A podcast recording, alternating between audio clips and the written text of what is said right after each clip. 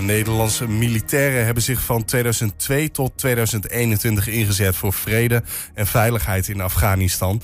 Directe aanleiding waren de aanslagen op de Twin Towers en het uh, uh, Pentagon in 2001. En de Taliban die de macht in Afghanistan in handen had.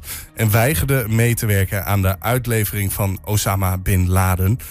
Trainingsmissies in Uruzgan en Kunduz moesten leger, politie en justitie een stevige positie bezorgen en het vertrouwen van de Afghanen in een nieuwe toekomst voor hun land herstellen. En na de gebeurtenissen van die afgelopen weken heeft die Taliban uh, de touwtjes weer in handen. Dat hebben we waarschijnlijk allemaal meegemaakt. De vraag is eigenlijk, wat doet dat nou met veteranen die daar uh, gediend hebben? Nou, drie van hen, onder wie Enschede John de Jong, organiseren een ontmoeting. En John is hier uh, samen met mede-organisator Gijs ter Horst. Uh, beide welkom. Dank je. Dank je wel. Ja, misschien meteen even de diepte induiken. Um, nieuwsberichten over Afghanistan dat eigenlijk uit de handen glipt van de autoriteiten die er waren. Hoe heb je daarnaar gekeken, John? Ja, met gemengde gevoelens natuurlijk. Ik uh, ben twee keer in Afghanistan geweest. Eén keer uh, missie in Kabul en later in de Oersgan.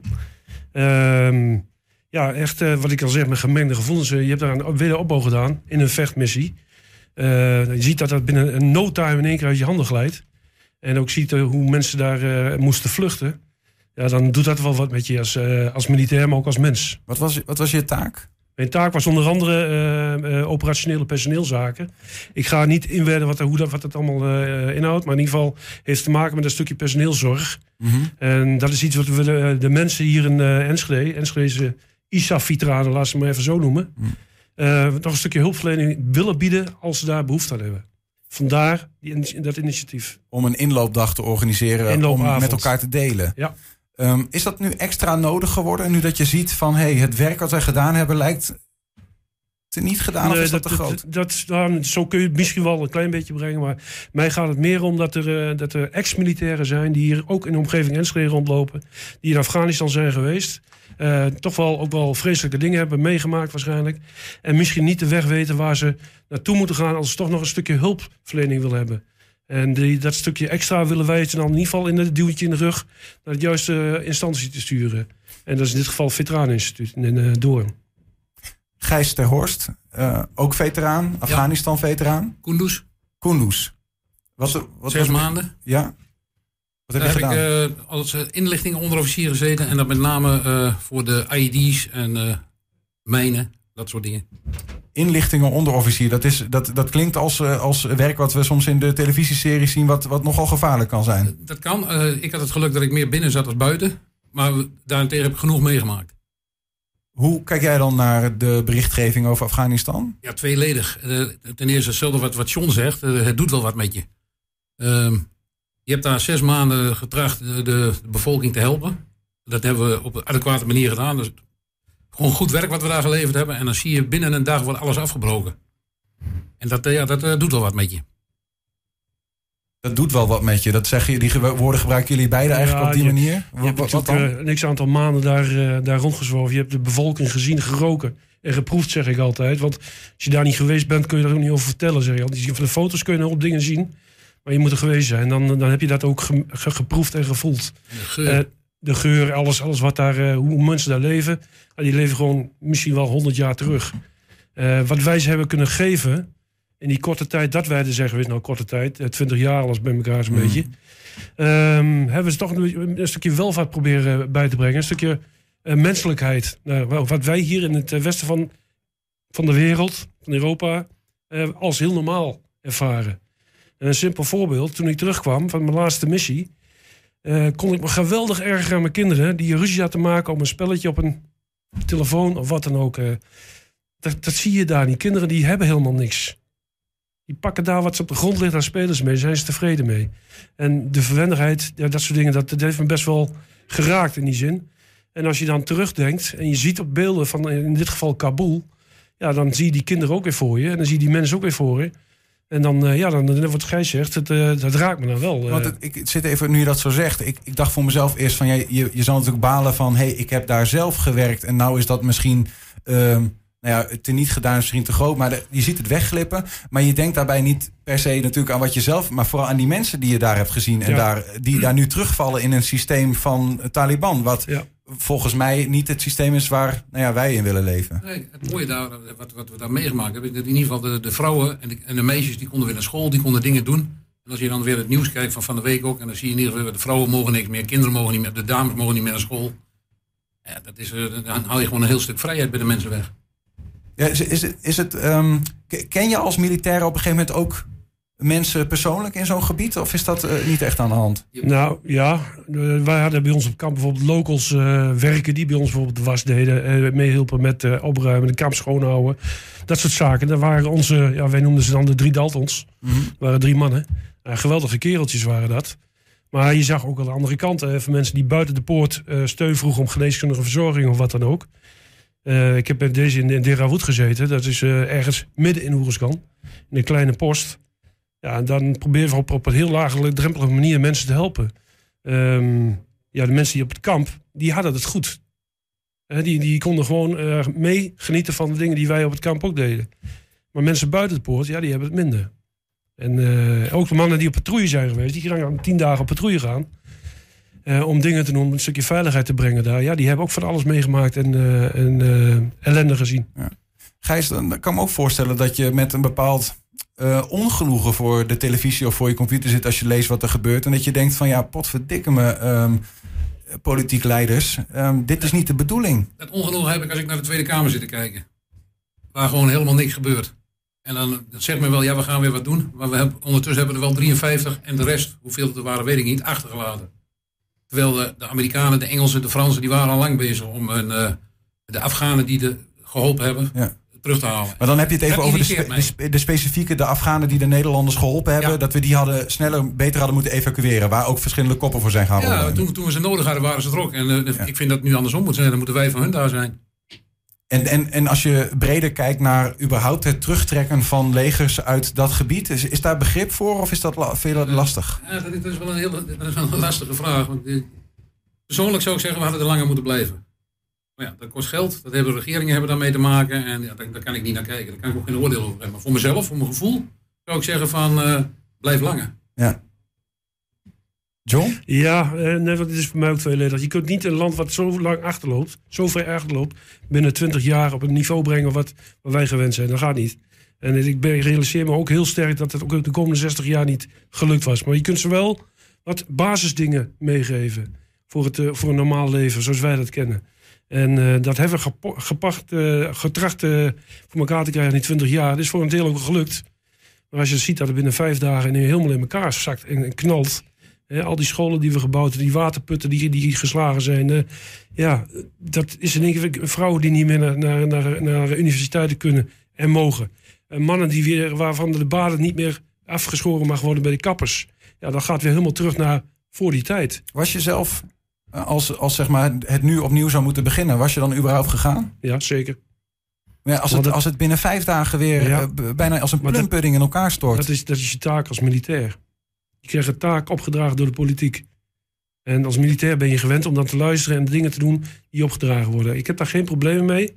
Maar ik, ik heb wel problemen mee, wat Gijs ook eh, aangeeft, van dat je ziet eh, dat, je, dat het zo weer in elkaar zakt. Nee, maar goed, En- ook militaire jongens, jonge jongens, Ja. die, die nu denken van ik ga het leger in, want ik ga helpen. Ja. Ehm, ja, en dan zie je dit. Dat is niet motiverend toch, Gijs? Ja, weet ik niet. Eh, Het kan ook de andere kant op gaan, dat het wel motiverend is. Eh, de gemiddelde militair in Nederland die is eh, heel welwillend. En die zou ook nooit uh, tegenstribbelen om te gaan. Nee, dat, is, dat is een van onze taken. Ja. Dus eh, daar waar de NAVO ons roept of de VN ons roept, daar gaan we gewoon. Gijs, je hebt op een gegeven moment, eh, eh, ja, ik weet het eigenlijk niet, hoe, is dat, ge- hoe ben je erbij gekomen bij uiteindelijk dit initiatief om een inloopavond, een praatclub, hoe moet ik Nou, het zien? Met dit speelde eigenlijk al wat langer, dit soort dingen. En eh, we hebben in Enschede natuurlijk wel een veteranen dingetje. Die mannen zijn prima kerels. Alleen, er gebeurt niks. Die hebben smiddags een, een inloop. Maar ja, die jonge veteraan die net uit dienst komt, die werkt nog. Die, die doet andere dingen. Die heeft overdag geen tijd. En toen kwam ik John per toeval tegen. John, die, zijn collega, die ken ik heel erg goed. Joop, die, die er niet bij is. En we kwamen aan de praat met z'n drieën en toen hebben we gezegd van jongens, laten we de mo- handen uit de mouwen steken. En laten we kijken wat wij kunnen betekenen daarvoor. Mhm. Zou je het over de microfoon heel iets dichter bij je mond kunnen trekken? Dan, dat, eh, jazeker. Ehm, eh, je hebt het over, is, zijn, gaat het om een inloopavond over echt specifiek Enschedeze veteranen, Twentse veteranen? Ja, Twens, ik denk Twens, want het gaat iets verder dan Enschede. Ja, Ja. wij noemen ik heb het eh, heel simpel in, in een mailadres Enschedeze ISAF-veteranen. Maar goed, Enschede is vrij, vrij ruim. En ISAF is dan Afghanistan. ISAF, ISAF is Afghanistan, ja. Ja. Dat is de missie die we gedraaid hebben daar. Hoeveel ehm, nou ja, Twentse ISAF-veteranen zijn er? Ja, daar hebben we, zijn we geprobeerd hebben we erachter te komen, maar dat is ons niet gelukt. Eh, het, het Veteraneninstituut heeft eh, in een systeem, kan in systemen, of aanvraag doen om in het systeem te kijken. Ik vermoed dat er zo'n, nou, laten we het zeggen, 400, 500 eh, ISAF-veteranen zijn wel. 400, 500. En Ja, eh, zitten die, met elkaar, die zitten niet met elkaar in een appgroep. Maar Nee. je zei al van, ja, er wordt niet zoveel over gepraat. Nee, ze praten er wel over als je ze bij elkaar zet. Ja. Maar als je voor de rest... Ik praat thuis nooit over wat ik gedaan heb. Dat is onbelangrijk. Hoezo Maar is dat met- onbelangrijk? Ja, dat, dat groeit zo. Ik denk dat John er Ja, ik zo heb dezelfde ervaring. Ik, ik praat veel makkelijker eh, met, met de collega's die daar ook geweest zijn. Omdat Dus, wij eh, het niet... Ja, ik zeg maar even wij. Ja. Ik ben er niet geweest. nee. Ik kan het niet begrijpen. Nou, je kunt het misschien wel begrijpen, want zoals ik het in het begin al aangaf, je moet het geroken en geproefd hebben. En dan weet je waar je over praat. En, eh, dat, is, dat, is, dat is militair eigen ehm, dingen samen eh, beleven. Mhm. Eh, onder, onder verzwaarde omstandigheden. Dat schept een band met elkaar. En dit is een van die dingen, onder verzwaarde omstandigheden, met elkaar een taak uitvoeren. die we gedaan hebben daar. En als je het net wat je zegt, dat wat- als je dat ziet, die taak die we hebben proberen uit te voeren. En voor, voor mijn gevoel ook best wel goed gedaan hebben. Hm. We hebben heel veel goede dingen gedaan. Ja, als je dat ziet, dat het binnen vijf dagen eh, helemaal eh, wegvloeit. Ja, dan doet dat, eh, dat, dat, dat raak je wel dan op dat moment. Wat gaat er gebeuren? Die, eh, die, die inloopdag. Nou, het is, eh, de bedoeling is dat het een laagdrempelig iets is. En we gaan het ook doen op een militaire locatie hier in Enschede. En de locatie van onze NATRES-eenheid die hier nog zit. De Foxtrot Compagnie Compagnie heet, Ja. het, eh, heet het geloof ik. De Wat voor compagnie? Foxtrot Compagnie Oké, ja. van 10 NATRES. Eh, Nationale Reserve. Mhm. Eh, die locatie eh, heeft eh, zich bereid gevonden om, om ons daarin te ondersteunen. Nou, dat willen we gaan doen op 15 oktober tussen 7 en 9 's avonds. En eh, een vrije inloop in die zin dat mensen zich wel moeten kunnen, een paspoort moeten kunnen over laten zien. Of een ID-kaart, anders kom je de trein niet op natuurlijk. Het is wel een militair complex. Ja. Eh, daarvoor heb ik ook een, eh, een e-mailadres eh, vrijgegeven. Die, eh, die ga ik ook op Facebook zetten. Ehm, en misschien dat de Tubantia daar ook nog iets in kan betekenen. En eh, huis en huis, dat hoop ik wel. Dan kunnen ze het ook daarin lezen. En dan willen we op een laagdrempelige manier die mensen met elkaar in contact brengen. Daarnaast willen ze een stukje op weg helpen met flyers vanuit het Ve- Veteraneninstituut. Om mensen die behoefte aan hebben aan hulp. Dus die echt eh, een beetje in de knoop zitten hierdoor. die kunnen we verwijzen naar het Veteraneninstituut. Om van daaruit de juiste professionele hulpverlening te kunnen bieden. Dat geldt voor ook alle ex-militairen, ex-veteranen. Ja. Of veteranen in dit geval, ex-militairen. Dus eh, als je je in dit verhaal eh, herkent of je bent gewoon veteraan die heeft gediend in Afghanistan, eh, dan ben je in principe van, van harte welkom. Ja. Ja. Ehm, eh, is, is, er- is trouwens zo'n zo'n oproep eh, hier eh, per se nodig? Of is er nog een manier waarop jullie die mensen kunnen ook eh, specifiek bereiken? Wel, uite- uiteindelijk via Facebook ook wel. Want, eh, Ja. Ik denk dat we beide allebei wel heel veel followers hebben. Ook uit onze militaire carrière nog. En dan bereiken we ook wel mensen. En dan wordt het wel verspreid. Is zoiets trouwens niet, vroeg ik me ook af, ja, is, is, is Defensie ook niet, eh, heeft Defensie niet ook een taak om dit soort dingen te doen? Defensie doet wel eh, genoeg. En Defensie heeft ook in zijn publicaties daartoe wel mensen opgeroepen. Mhm. Eh, maar Defensie is het enige wat ze kunnen doen. Met name de veteranen die je niet bereikt. Want heel veel veteranen zijn wel gebonden in een veteranenvereniging. Maar wij zoeken juist die man- mannen die eigenlijk helemaal geen, geen achterban hebben. Een militaire achterban meer hebben. En die nog steeds zoekende zijn. En die zijn er ook zat. Ik weet van- vanuit mijn operationeel personeelszorgervaring... best wel dat heel veel mensen, veteranen die de diensten zijn gegaan... die eh, met een trauma rondlopen. Met een PTSS-achtig iets nog steeds rondlopen. En eh, we proberen toch die jongens ook nog eens een klein beetje een steuntje in de rug te geven van luister.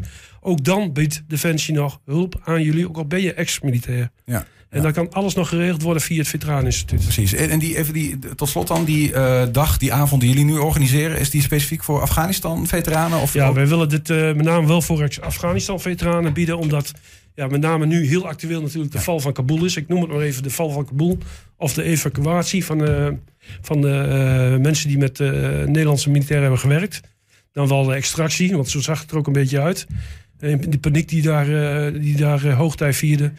Ehm, ja, de, voor met name ISAF-mensen die, die daar een toch een tweeledig gevoel bij hebben. Laten we daar maar even op houden. John de Jong en uh, Gijs de Horst, dank voor, voor jullie komst.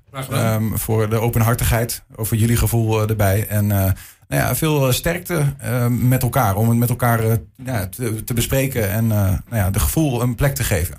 Dankjewel. Graag gedaan.